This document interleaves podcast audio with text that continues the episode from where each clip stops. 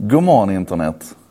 Idag så eh, ger en sak idag efter för påtryckningar. Det händer inte så ofta men idag har det hänt. Ehm, jag har blivit ombedd att prata om Vero. Förmodligen ifrån frustrerade användare som redan finns på plattformen och tycker att det är alldeles för få vänner och kompisar och bekanta och intressanta människor att följa. För så är det. Det ekar ganska tomt där. Trots att den här nya sociala medier-tjänsten har haft en fantastisk uptake på sista tiden. Så låt oss prata om Vero då. Det är alltså en ny sociala medier-tjänst eh, som, som säger sig fokusera väldigt mycket på användaren. Den har funnits sedan 2015 när den grundades av sonen till den mördade libanesiska politikern, nu ska vi se här, han heter eh, Rafik Hariri och sonen heter alltså Ayman Hariri och enligt Forbes så är han värd 1,33 miljarder dollar. Så det här är en riking som ligger bakom detta. Eh, appen lanserades för första gången 2015.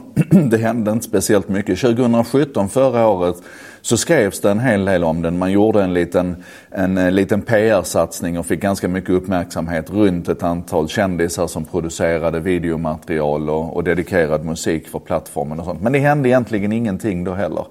Man kan säga ända fram till för ungefär två veckor sedan så hade appen totalt 500 000 användare. Den syntes inte ens på mest nedladdat-listan i eh, App Annie, den här tjänsten som håller koll på hur många appar vi laddar ner. Sen hände någonting och enligt uppgifter så ligger man just nu på 500 000 nedladdningar per dag bara. Och eh, det är kul att gå in och titta nu i den här tjänsten och för första gången igen se liksom att de senast anslutna användarna det är alla de här svenska early adopters liksom som, som har hoppat på. Um, vi får se om det här tar vägen någonstans. Eh, man kan säga det som utmärker den och det som gör att det här nog händer nu, det är väl ett antal saker relaterade till Instagram framförallt. Eh, folk är sura på att det är alldeles för mycket annonser på Instagram och Vero som betyder sanning. Ni vet ungefär som Pravda, fast det var ryska. Vero är sanning på italienska. Ehm, på Vero så finns det inga, inga annonser utan där är tanken istället att den, ska vara, att den ska vara finansierad genom en prenumerationsmodell. Mer om det sen. Ehm, användarna är frustrerade över att man inte begriper algoritmen på Instagram. Eh, saker och ting kommer i en ordning där Instagram försöker vara listig. På Vero så kommer allting i omvänd kronologisk ordning så att alla de som du, du följer och har någon relation till de ligger överst och, och, i en kronologisk ordning så att de senaste posterna ligger överst och sen får man bara scrolla. Det betyder också att när det är lite aktivitet på tjänsten som det är nu, du går in och tittar så kan du se samma grejer timme ut och timme in. Och det tror jag kommer att straffa sig. Anyway.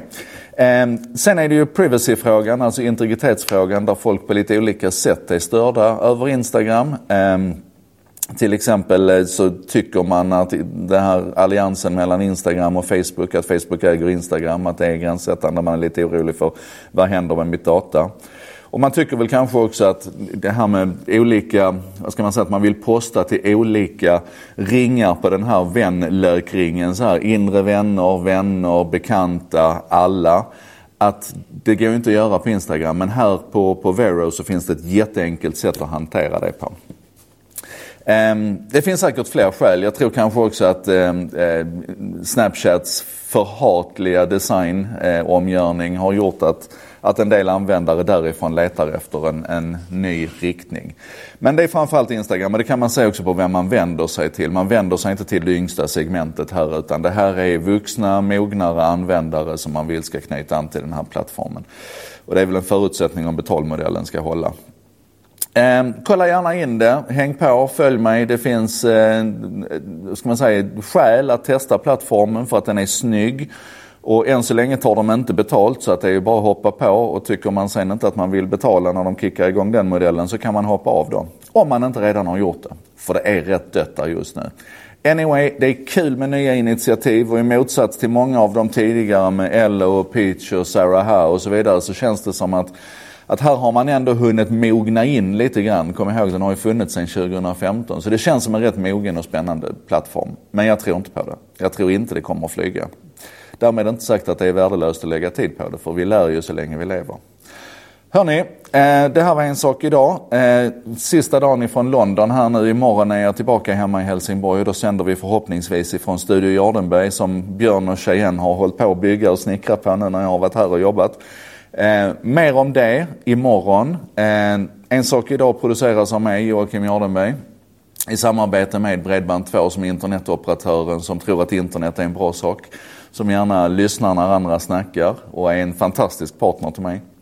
Ehm, den textas och görs tillgänglig med svensk och engelsk text med hjälp av Contentor som ställer upp och gör det jobbet åt oss. Contentor är ett företag som jobbar med redaktionella texter på internet, modern marknadsföring och översättning. Tumme upp till Bredband2 och Contentor, ni är fantastiska. Tumme upp också till alla er som, som hjälper till att sprida och diskutera. Och just nu så är jag väl mest sugen på, finns du på Vero och vad tycker du om tjänsten?